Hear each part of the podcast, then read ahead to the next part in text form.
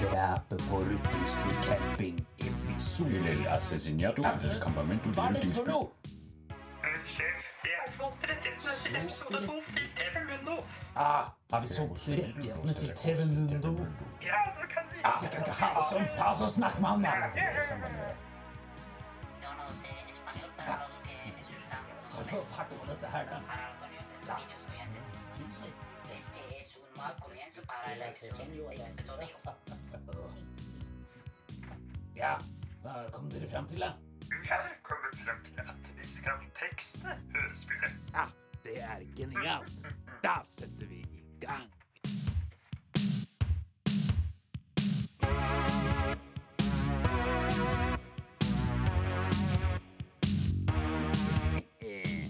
Drapet på Ruttingsbu camping, episode to.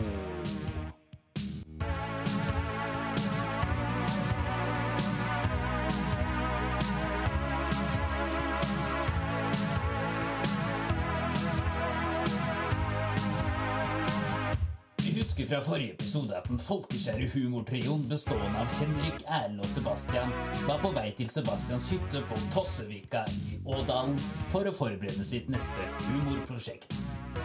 Før de ankom hytta, møtte de den nye eieren av gården ovenfor hytta, Stein Ronald den første Kolle.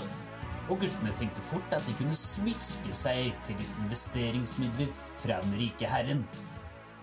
Etter å ha ankommet hytta og spist et særlig og godt måltid, legger de seg for å sove. Siste vi husker, er at guttene våkner midt på natten av at de hører en lyd utenfor. Der var det igjen. Nå det jeg, da. Gutter, det er sikkert bare en grev. Ok, dere, La oss ikke forhaste oss nå. Det kan jo være noen som trenger hjelp. For å finne sitt neste drapsoffer, ja. Eller det kan være Et inkassovarsel? Ok, Erlend, du tar kjevla. Henrik, du tar ostehøvelen. Og så tar jeg vaffeljernet. På tre åpner vi døren, klare til angrep. Én, to, tre. Pappa! Min tvekjønnede sønn Anthony Sofus Simensen, hva gjør du her? Jeg har kommet for å tilbringe kvalitetstid med deg, pappa. Men hva gjør du her midt på natta? Jeg har jo ikke sett eller hørt fra deg på over et år. Jeg tenkte jo at jeg skulle komme og overraske deg, pappa, og se hva slags hytte jeg etter hvert kommer til å arve. Tellefsen. Åh, jeg orker ikke å ta dette nå. Du kan legge deg i stabburet. Det er en seng der. Og så ringer jeg moren din i morgen.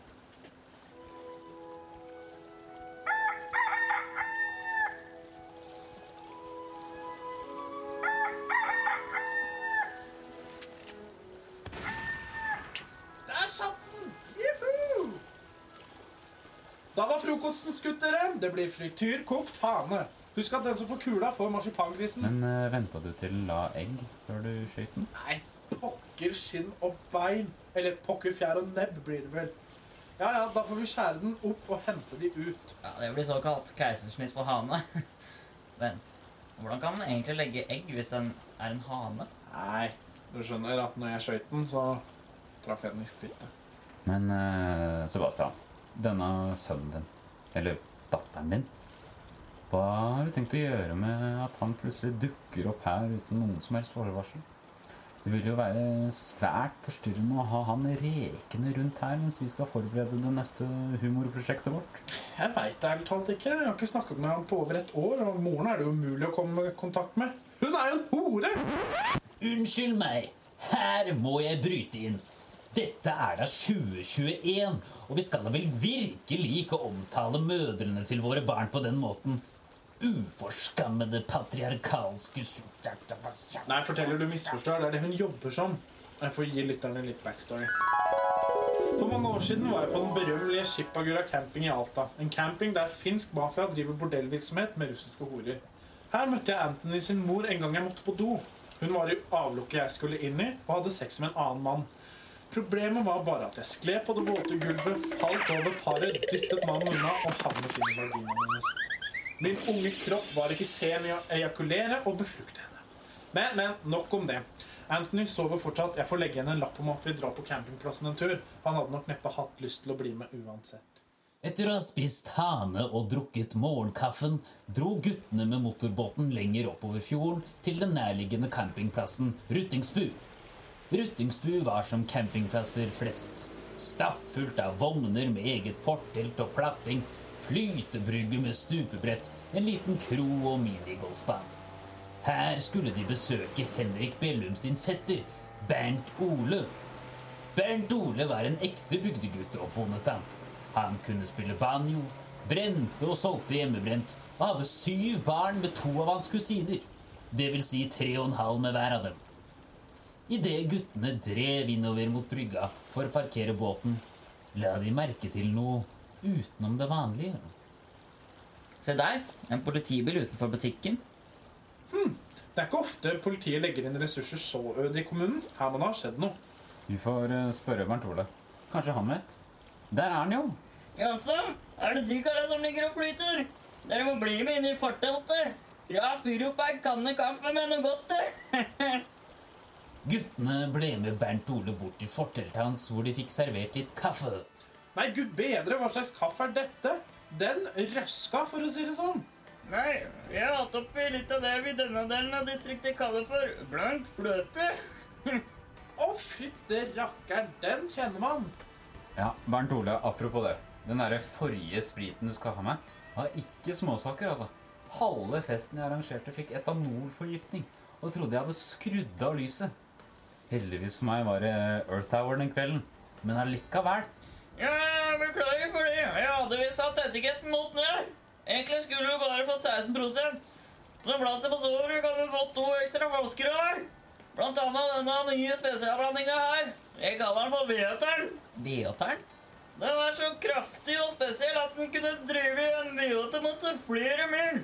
Dette er ikke akkurat noe skolemjølk. Spennende. Spennende. Vi får eh, ta med en sånn, og så slenge med en uh, Jagland. En Jagland? Ja, en eh, 36,9% Og hvis det er mindre enn det, så går alle gjestene. Men du, Bernt Ole, når vi kom hit, så så vi en politibil oppe ved nærbutikken. Har det skjedd noe? Ja, det har vært et drap på campingplassen i natt. Jeg fant et lik. Et drap? Hvordan vet man at det har vært et drap? Jo, fordi navnet på historia er jo drapet på Ruttingsbu camping. Ah, ja, sant. Men hvem var det som døde? Ja, det var en dama som drev nærbutikken her. Å nei! Tove Wenche. Kjenner du henne? Ja, ja, hun har drevet den butikken i alle år. hun. Jeg pleide å stikke oppom der og kjøpe sandwiches hver eneste sommer. Hun er, e- eller var, en trivelig dame. En alle hadde et godt øye til. Men vi skal uansett opp dit og kjøpe snus. Kanskje vi kan forhøre oss litt om hva som har skjedd. Vi bor jo tross alt ikke så langt unna denne campingen, så det kan være greit å vite. Guttene trasket bort til nærbutikken på campingplassen. Butikkinngangen var stengt av med polititeip, og utenfor sto flere nysgjerrige og bekymrede campingbeboere. Deriblant campingsjefen Bertil Kvae og krokokken Fergeburre. Plutselig kommer en kjenning av guttene ut av den avsperrede butikken. Det er den lokale politimannen på Hønefoss. Vel, vel, vel, hvem er det vi har her? Er det ikke Mr. Parklys og de to dusteteene? Hva er dere her? Vi er på hytta mi lenger nede i fjorden og er innom campingplassen for å kjøpe snus. Ja, og besøke fetteren min Bernt Ole. Men hva er det som har skjedd her? Det er jeg som stiller spørsmålene her. Og det blir nok ikke mye snus å få kjøpt.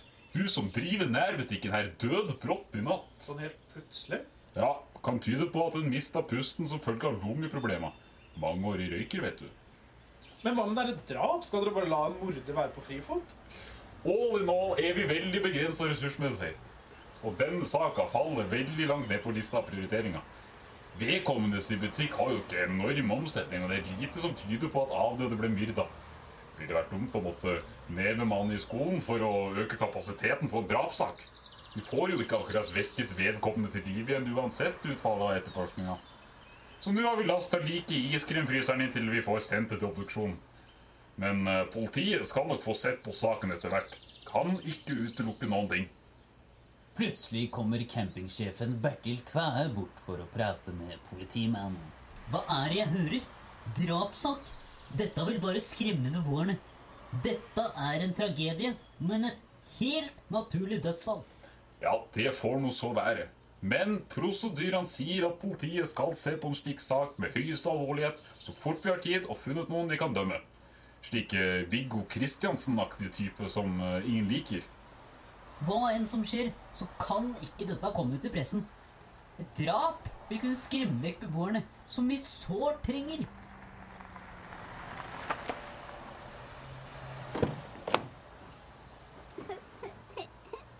Min tante, hvor er hun?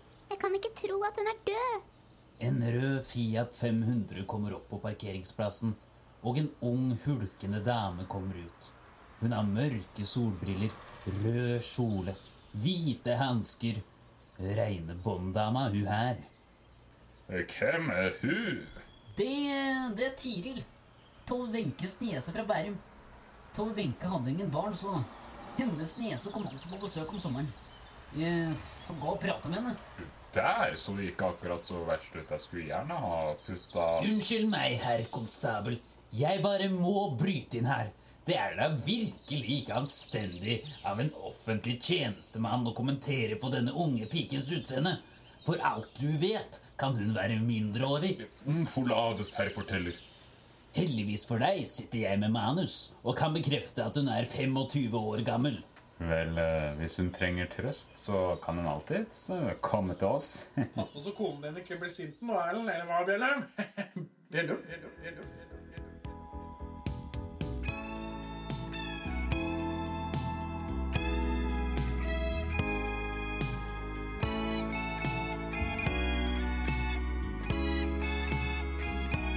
Som dere kanskje skjønner, er Henrik Bjellum blitt fortapt i denne nydelige skapningen Tiril sitt utseende. Lange, glatte lår, blondt, flagrende hår, spretten rumpe, faste bryster og store, myke lepper. En ung, flott pike der, altså. Jeg kan ikke skjønne at politiet ikke vil etterforske drapet på min stakkars tante. I Ådalen er vi lei å ikke bli hørt av byfolket på Hønefoss. Hvis ikke dette endrer seg, vil hodet rulle. Vi vil jo helst at hodet skal holde seg på halsen og ikke rulle rundt. Og eh, Derfor kommer selvfølgelig politiet til å prioritere saka og begynne etterforskninga umiddelbart. Og på saka setter vi disse tre herrene. Henrik, Erlend og Sebastian. Ja! Vent, hva? Vi? Ja, hvis eh, dere hjelper meg nå, så kanskje jeg kan se bort fra noen av de ubetalte fartsbøtene. Og ikke minst spritvirksomheten til fetteren din, Willum. Disse tre gutta, hva slags kvalifikasjon har de til å drive etterforsking? Eh, vi løste jo faktisk påskekrim på melkekartongen i fjor, da. Ha, det er jo eh, hm, faktisk eh, veldig imponerende. Jeg sliter faktisk med den hvert år. Greit, dere tar oppdraget. Campingplassens skjebne ligger i deres hender, karer. Men hold en lav profil. Hvis dette er snakk om drapssak, så kan vi ikke la dette skremme beboerne. Du kan stole på oss. Å, dere gutter. Vil dere virkelig gjøre det? Det hadde betydd så mye for meg. Hva heter dere, mine helter? Erlend eh, Kåseref. Selveste Erlend Kåseref. Simensen. Sebastian Simensen til din tjeneste. Eh, eh, Hellum Bjenrik Hellum Nei, nei, nei. Eh, eh, jeg mener eh, Hen, Hennum Bjelrik. Hennum uh, eh, Bond. uh, James. Han er bare litt oppskaket etter å ha fått høre disse forferdelige nyhetene. Henrik Bjellum er hans navn. Å, så søtt. Jeg liker gutter som tør å være sårbare. Lov meg at dere finner den som gjorde dette. Åh, min kjære stakkars tante. Du kan stole på oss. Men da foreslår jeg at disse tre guttene overtar etterforskninga, samt at vi avvikler denne scenen. For nå er vi litt for mange karakterer, og stemmene er ikke så ulike at man hører umiddelbar forskjell. Og så skjønner jeg nå at butikkdama er død, men er det mulig å få levert inn tippekupongen sin her allikevel? Ja, hva har guttene rotet seg borti nå? Det tror jeg ikke de skjønner selv engang. Plutselig skal de begynne med drapsetterforskning. Tankefulle og sultne gikk guttene til den lille campingkroa for å få seg litt eh, lunsj. Jøss. Her bugna det av folk. Virkelig stinn brakke her. Ja, Det er ikke så rart. Nå som nærbutikken plutselig er stengt, så må jo folk komme hit for å kjøpe seg mat. Nei, jeg tror det blir vanskelig å få seg et bord her. Plutselig hørte de en kjent stemme. Gutter! Her borte! Sett dere med oss! Det var Stein Kolle og hans gårdsgutter som satt ved et bord. Bare å slå dere ned, gutter. Hva bringer dere til campingplassen? Nei, du skjønner vi skal besøke fetteren til Henrik. Ja, og så fikk vi høre om drapet som har skjedd. Hysj! Bjellum, vi skulle ikke kalle det et drap. Vi kan stole på Stein Kolle. Mine lepper er lukket, gutter. Jøss, et drap her? Ja, Har du ikke hørt det? Butikkdama på nærbutikken ble myrdet i går Sier du det? Og langt her ute i trygge Ådalen. Huff og huff. Jeg tror dog neppe politiet har ressurser til å prioritere saken, så den vil vel bare fordufte. Ja, det har du rett i. Så de satte oss til å etterforske saken. Mm, vent, hva? Satt dere på saken? Hvordan da? Vel, du skjønner, Politimannen er en gammel kjenning av oss, og han visste at politikontoret i Hønefoss ville få trøbbel fra ådølingene dersom saken ikke ble etterforsket. Så vi gjør en tjeneste for han, og så ser han bort ifra noen ubetalte bøter hos oss og spritvirksomheten til Bernt O. Interessant. Vel, det kan fort bli vanskelig, og ikke minst farlig sak, gutter. Jeg ville vært forsiktig.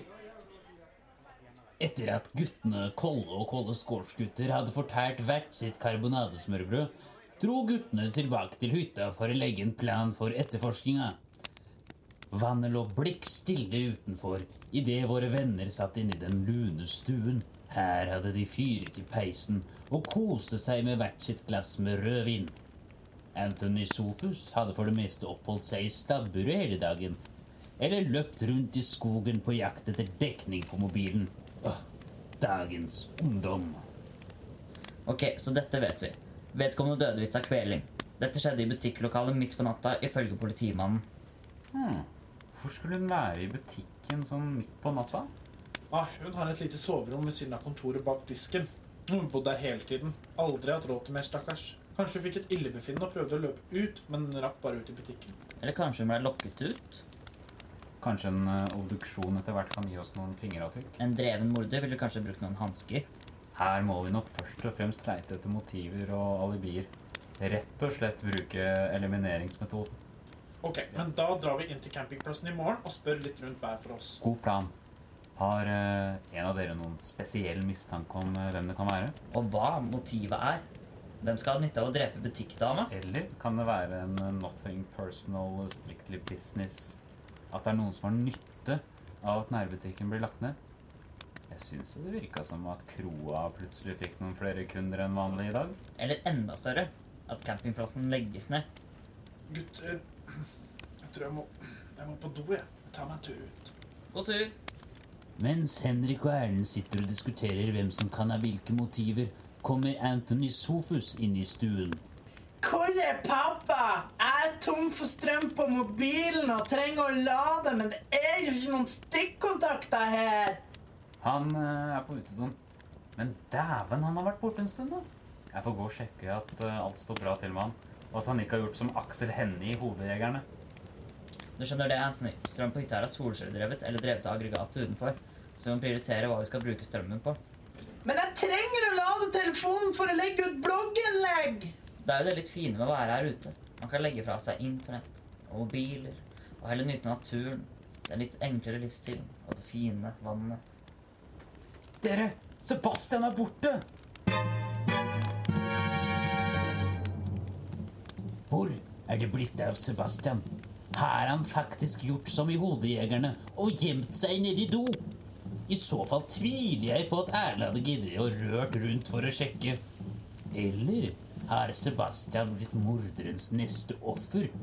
Og hvem skal da være programleder i Kaffekroken? Og hvorfor var Bjellum så oppskakket av det som hadde skjedd? Følg med i neste episode av Kaffekroken og drapet på Ruttingsbu camping!